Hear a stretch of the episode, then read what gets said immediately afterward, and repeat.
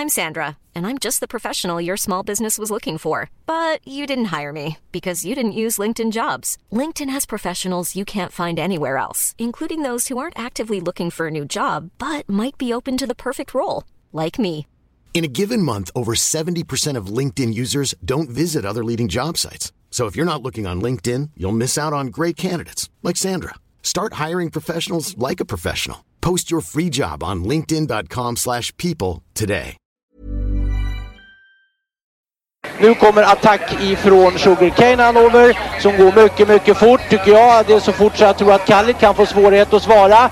Sugarcane Hanover vänder ut och in på fältet. Startbilen är i rörelse till Svenskt travderby 1987. What the horse, what the driver, nummer ett McLobell och John D. Campbell. Resultat av tredje loppet, Elitloppet SAS första försöksavdelningen. Segrare nummer sju, Marcon Lepp. Maharaja, la Suède. Maharaja s'est retrouvé. Le retour, le comeback de Maharaja le 17.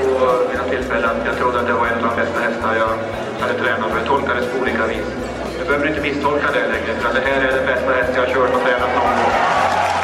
Barenne, me gusta, me gusta, me gusta! Un classico, no problem! Barenne, facile, alla! Och då är det klart för start i lopp 9 V31 E3 Bonus. 11 hästar startar. Ett Bikon Bok och körs av Lars D. Karl. I sådana här sammanhang så brukar man tala lite grann om eh, framtiden. Men vet du vad, jag tror vi struntar i det och njuter riktigt ordentligt av nuet istället. Tycker du inte det? Jo, vi behåller den här dagen.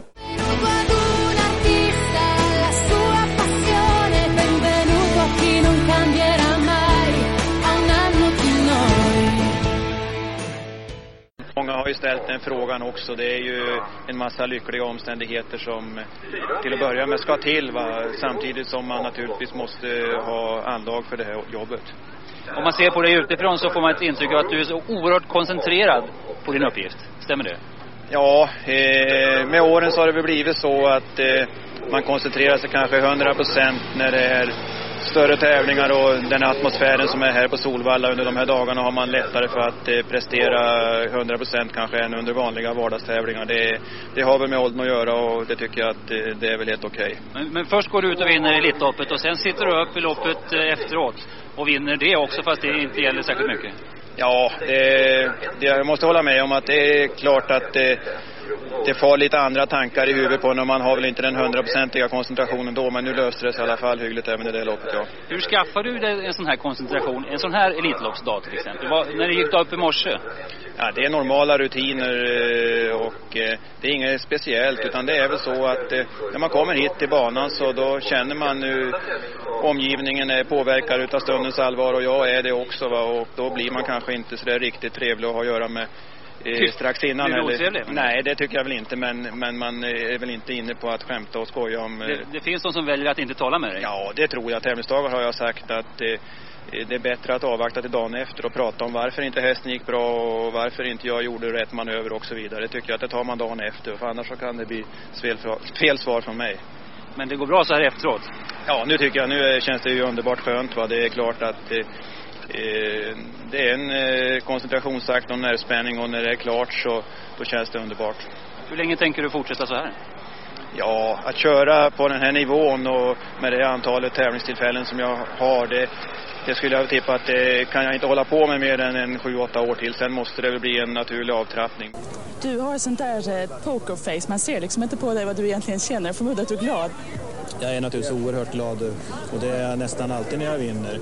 Speciellt stora lopp självfallet, men eh, jag är av naturen ingen eh, clown och ingen som kan göra mig till att spela eh, något annat än jag är. Så att därför, jag är som jag är även i de här situationerna.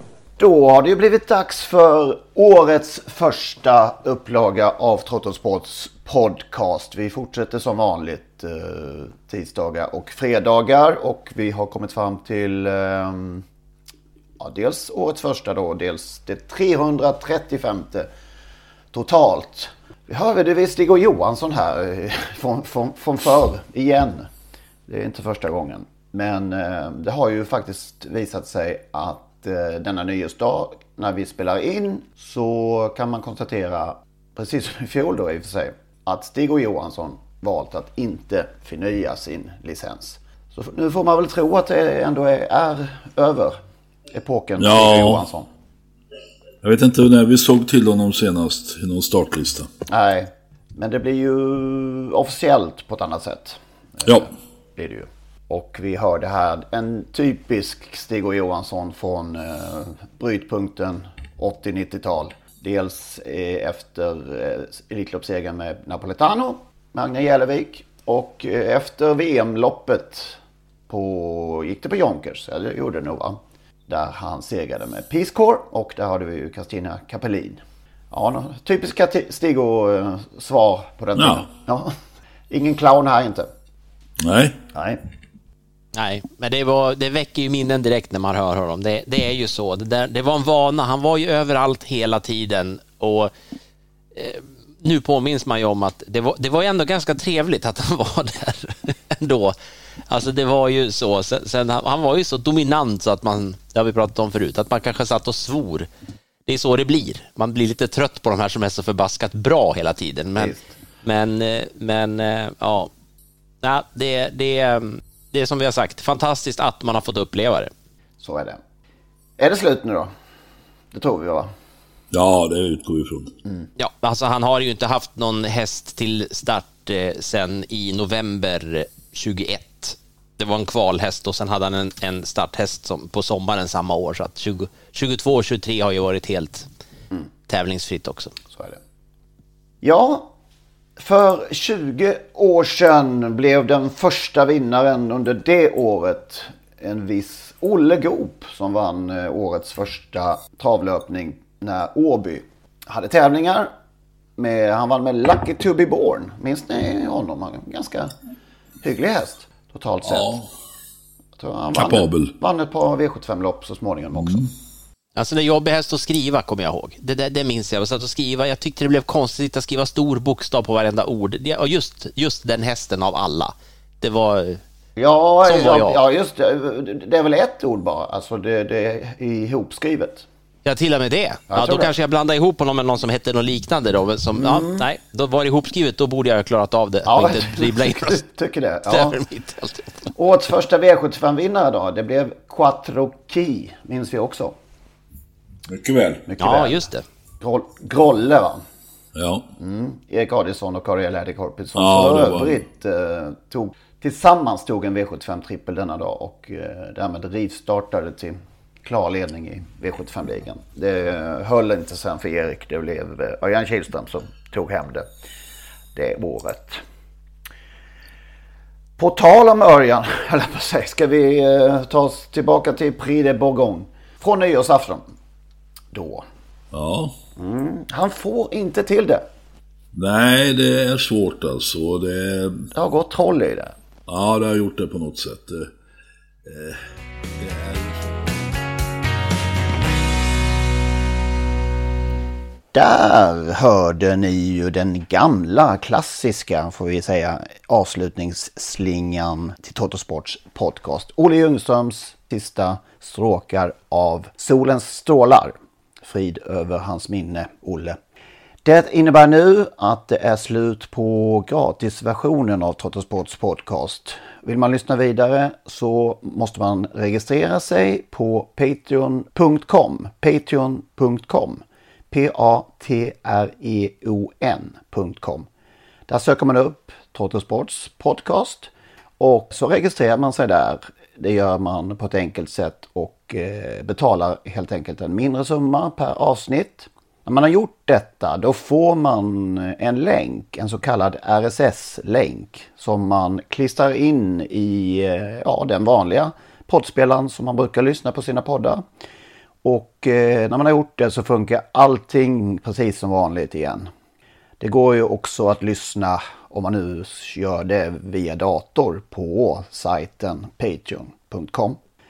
I samband med registreringen så kommer man också få ett mail med denna länk och eh, instruktioner exakt hur man bär sig åt när man ska eh, klistra in den här länken i sin poddspelare.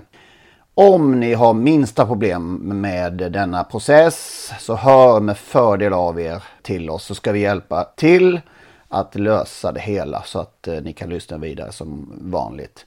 Maila i så fall gärna till henrik.ingvarsson.telia.com så eh, skapar vi en kontakt där och löser det hela. henrik.ingvarsson.telia.com Tack för att ni lyssnar. Mom deserves the best and there's no better place to shop for Mother's Day than Whole Foods Market. They're your destination for unbeatable savings, from premium gifts to show-stopping flowers and irresistible desserts. Start by saving 33% with Prime on all body care and candles. Then get a 15-stem bunch of tulips for just $9.99 each with Prime. Round out Mom's menu with festive rosé, irresistible berry chantilly cake, and more special treats. Come celebrate Mother's Day at Whole Foods Market.